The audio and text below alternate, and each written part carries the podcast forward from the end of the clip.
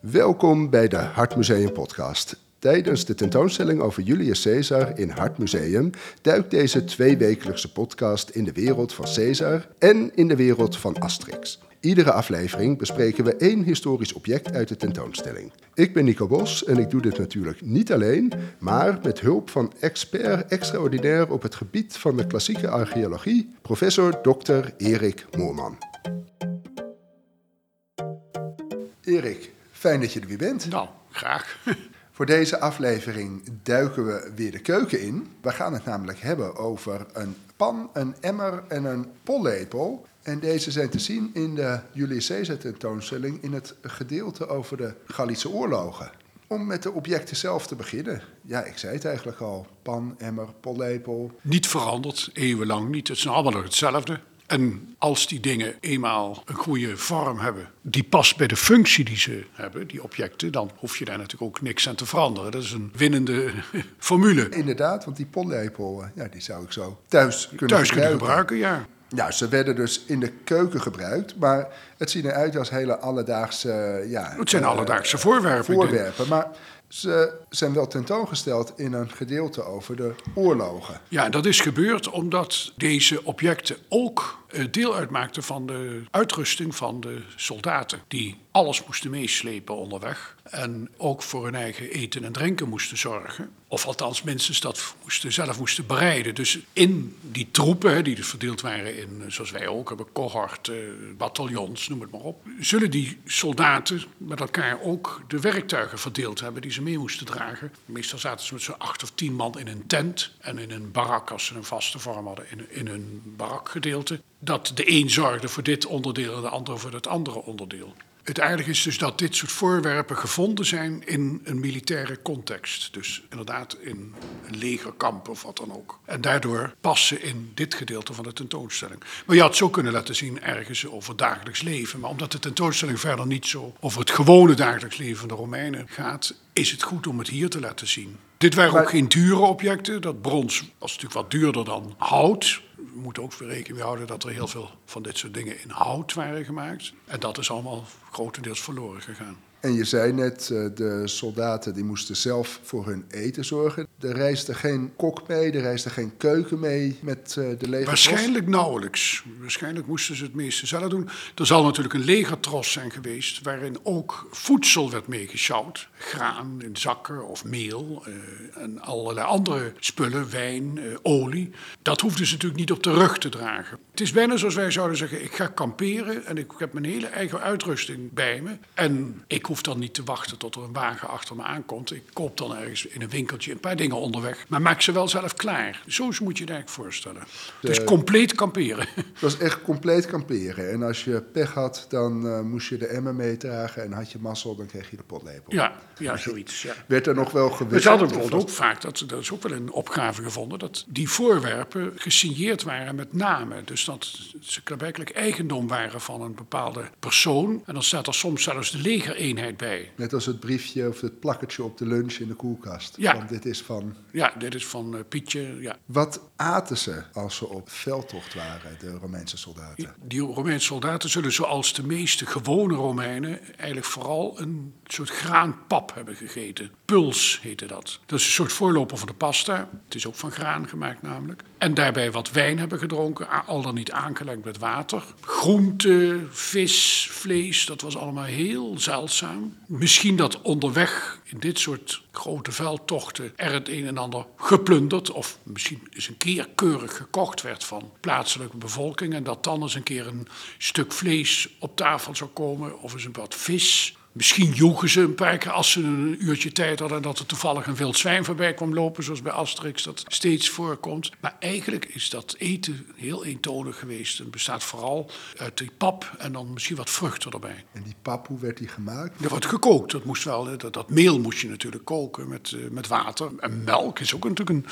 mogelijkheid. Maar ja, denk er wel aan dat alles natuurlijk meteen zuur wordt of bederft... Hè, als je dat niet kunt bewaren. Hoe deden de Romeinen dat bijvoorbeeld in Rome? Ook Zo, het was ook heel, vaak heel karig eten. Als we het hebben over die luxe maaltijden met allerlei gekke gerechten, dat is alleen maar voor de superelite weggelegd. Geldelite, dat kan dus op een gegeven moment, hoeft dat niet alleen de oude noblesse te zijn, maar dat kan iemand die veel geld heeft ook doen. En dan, daarom hebben we van die verhalen daarover dat bijvoorbeeld een ex-slaafgemaakte persoon die heel rijk wordt in een mooie roman van uh, Petronius uit de eerste eeuw van onze jaartelling, zeg maar 100 jaar na Caesar. Daar vertelt Trimalchio dan, die heeft allemaal gasten op bezoeken, die eten met heel duur zilveren servies en die eten allemaal heel gekke spijzen.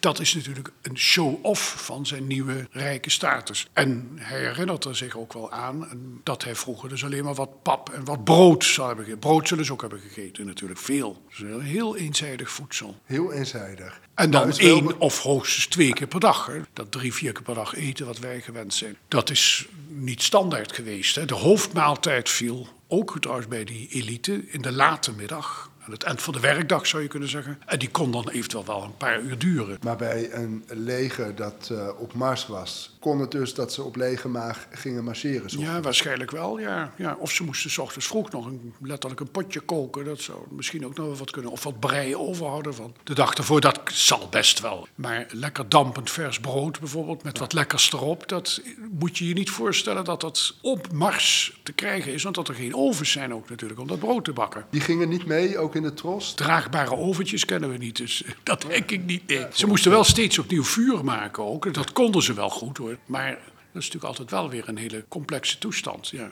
Daar moet je weer hout voor hebben. Nog even over het eenzijdige eten en dat er uh, eigenlijk niks bewaard kon worden. De Romeinen aten wel ijs de elite dan. Althans, daar hadden ze een manier voor gevonden om dat uh, toch te transporteren vanuit de bergen. Hadden ze niet ook iets van koel, hokken? Daar zal, dat, zal dat ijs ook wel voor gebruikt zijn. Zoals, later, zoals wij het woord ijskast nog kennen. Dat, dat is een kast waarin je een blok ijs legt en daar de spullen kunt bewaren. Dat heeft men wel gekend. En, en zeker, kijk, Rome had nog het voordeel dat lag niet zo ver van de bergen af. Dus daar kon je inderdaad wel wat ijs uit de Abruzzen laten komen. Blokken of staven ijs, die dan konden worden gebruikt. Of dat je een kelder had onder het huis die redelijk koel was. Daar kon zeker wat worden bewaard. Eten werd verder natuurlijk bewaard door vlees en vis door dat in te zouten. En ook groenten natuurlijk. Iets wat onze grootouders of overgrootouders ook deden. Met wekken van eten in flessen of in zouten potten. Ja, en je zei in een vorige aflevering ook al eens dat het zo sterk werd gekruid om bedorvenheid... Een min of meer bedorven smaak of muffe smaak een beetje weg te halen. Ja, ja, nou ja, dat is natuurlijk in Asterix ook een running gag. De visboer van het dorp die standaard bedorven vis Rotte vis verkoopt, ja. Inderdaad. Dan hebben we meteen een bruggetje naar het uh, volgende deel. Dan gaan we kijken hoe Romeins keukengerei in Asterix wordt gebruikt. En dat doen we in de strip Asterix en het Eerste Legioen, waar Asterix en Obelix zich hebben aangemeld bij het Romeinse leger. Dan wordt er op een gegeven moment ook voor hun afdeling gekookt. En Erik, dat lijkt toch behoorlijk ook op die pap waar jij het net over had. Ja, dat lijkt er inderdaad op. Het is een, natuurlijk een gaarkeuken voor de soldaten. Die krijgen allemaal hetzelfde. Een hele grote emmer, die ook op onze tentoonstelling staat. Zoals het op het bord wordt geplotst. Met een dikke pap. Met een pollepel. Dus het zijn alle voorwerpen die we hebben. Zien we dan bij elkaar. Nou, natuurlijk vindt de een dat lekkerder dan de ander. Dat is denk ik uh, van nou, alle tijden. Ja, ja, eigenlijk iedereen vindt het smerig, behalve de Brit. De Brit, ja. Die vindt het lekker. Ja. Dus, ja. En dat die Brit in het leger zit, dan zal dat dus een huurling zijn, want dat kan niet. Maar goed, dat is nou weer een ander verhaal. Ja. Vervolgens gaan ze verhaal halen bij de kok. En de kok die gaat vervolgens ook met hun mee op Mars. En uh, ja, die maakt de lekkerste gerechten voor ze terwijl ze onderweg zijn. Dit is een beetje onzin, dit is hele leuke onzin natuurlijk. Bovendien lekkere gerechten, het is wel allemaal vanuit Asterix en Obelix. Het gaat steeds om die everzwijnen die ze eten.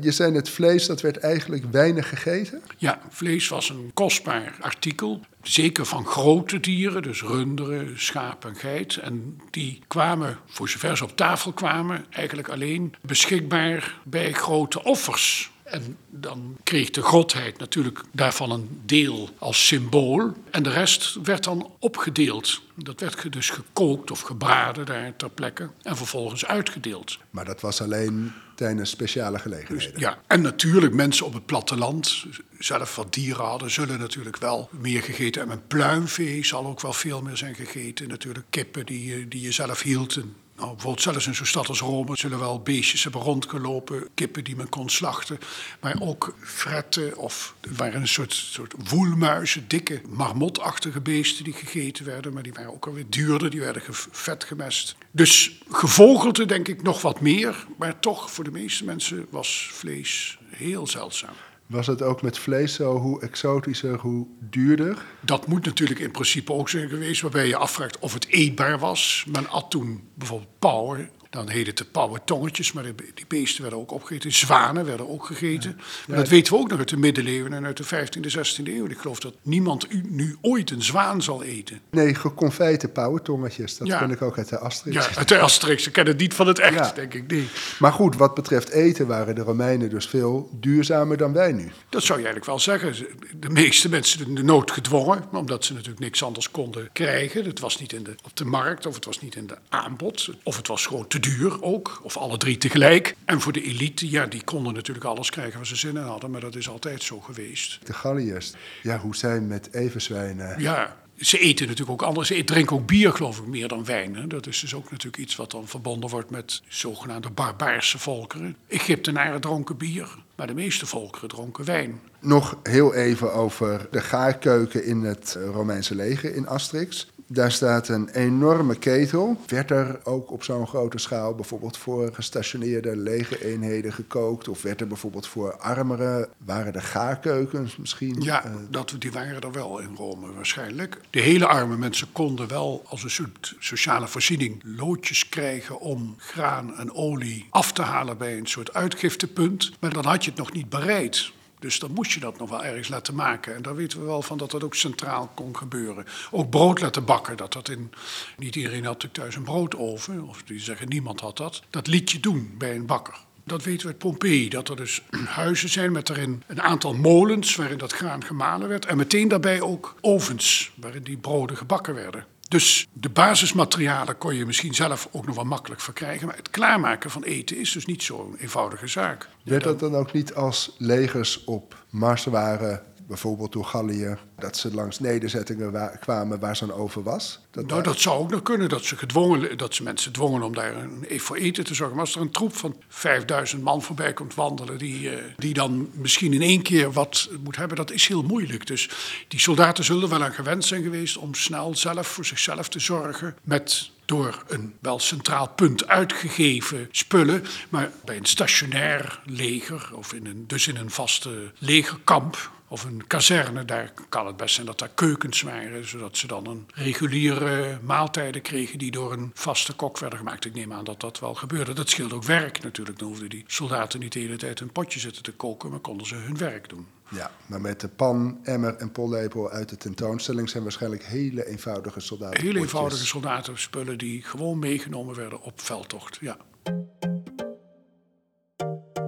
De pan, de emmer en de pollepel zijn natuurlijk te zien in de Julius Caesar tentoonstelling in Hartmuseum. Maar daar gaan we nu luisteren of deze objecten ook goed worden weergegeven in de Asterix-strip. We zien ze op een gegeven moment ook eten, pasta, pap, en het wordt opgediend. Dat kan dus heel goed. Ik denk dat dat heel goed. En dan zitten ze gewoon aan een tafel. Dat is, kijk, ze zijn dan in Rome zelf. Hè, dus uh, ze zijn dan ergens op een, in een legerkamp al aangekomen. Zitten daar bij elkaar. En vervolgens gaan ze op Mars. Dan zien we niet meer hoe ze koken. Dus ik zou zeggen, ja, dat klopt wel. Dus uh, duimpje omhoog? Omhoog dan, ja. Smakelijk eten. Dit is alweer de tiende aflevering van de Hartmuseum podcast bij de Julius Caesar tentoonstelling. Een goed moment om eens je vrienden of familie mee te nemen naar Hartmuseum, zelf een rondleiding te geven langs de tien objecten die we hier besproken hebben en zo de bij deze podcast verworven kennis te delen. Hartstikke leuk. Maar je kunt natuurlijk ook deze podcast delen met je vrienden en familie. Wat is er verder deze maand te doen in Hartmuseum? Aanstaande zaterdag 27 januari geeft de expert van deze podcast, professor Dr. Erik Moorman, een lezing. Caesar als bouwheer van Rome. De stad als centrum van macht en vertoon. Deze lezing vindt plaats van 3 tot 4 uur in de Washington DC-zaal van Hartmuseum. Toegang is gratis op vertoon van een geldig entreebewijs voor de tentoonstelling. Deze lezing mag je natuurlijk niet missen als luisteraar van deze podcast. Dus zorg dat je erbij bent zaterdag 27 januari om 3 uur. Meer informatie op hartmuseum.nl onder activiteiten. Dat was het. Valeten en tot over twee weken.